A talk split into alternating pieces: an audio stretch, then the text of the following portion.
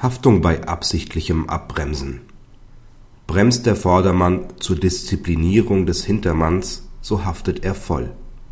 Kläger und der Beklagte standen nebeneinander an einer Kreuzung, die nur mit einer Fahrspur weitergeführt wurde.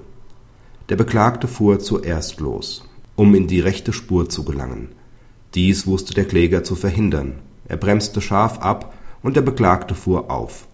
Der Kläger berief sich im Prozess auf ein verkehrsbedingtes Bremsen. Das OLG München war nach der Beweisaufnahme davon überzeugt, dass der Kläger mit dem plötzlichen Bremsen den Beklagten zu disziplinieren versuchte. Zu beurteilen war daher ein verkehrsfremdes Verhalten.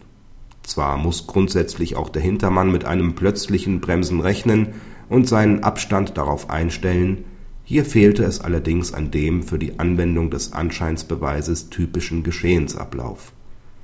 Das starke Bremsen des Klägers war verkehrswidrig, weil es durch das vorangegangene Fahrmanöver an dem ausreichend großen Sicherheitsabstand des Hintermanns fehlte. Berücksichtigt man im Rahmen der Haftungsabwägung nach § 17 StVG, dass der Kläger zumindest grob fahrlässig, wenn nicht sogar vorsätzlich gehandelt hat scheidet eine Mithaftung des Beklagten aus Betriebsgefahr aus. Das scharfe Abbremsen zum Zwecke der Disziplinierung oder Verkehrserziehung des Nachfolgenden führt zur vollen Haftung des Bremsenden. Die Klage war daher abzuweisen. Praxishinweis Dem OLG ist in vollem Umfang zuzustimmen.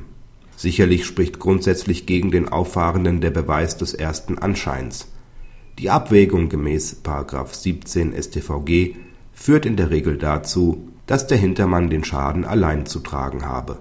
Dies kann aber nicht gelten, wenn, wie hier, das Bremsen nicht verkehrsbezogen, sondern vor dem Hintergrund einer nicht nur völlig unangebrachten, sondern auch in höchstem Maße gefährlichen Disziplinierung erfolgt. Derjenige, der sein Fahrzeug nicht als Fortbewegungsmittel, sondern als Mittel zur Verkehrserziehung einsetzt haftet voll, wenn sich die hierdurch gesetzte Gefahr realisiert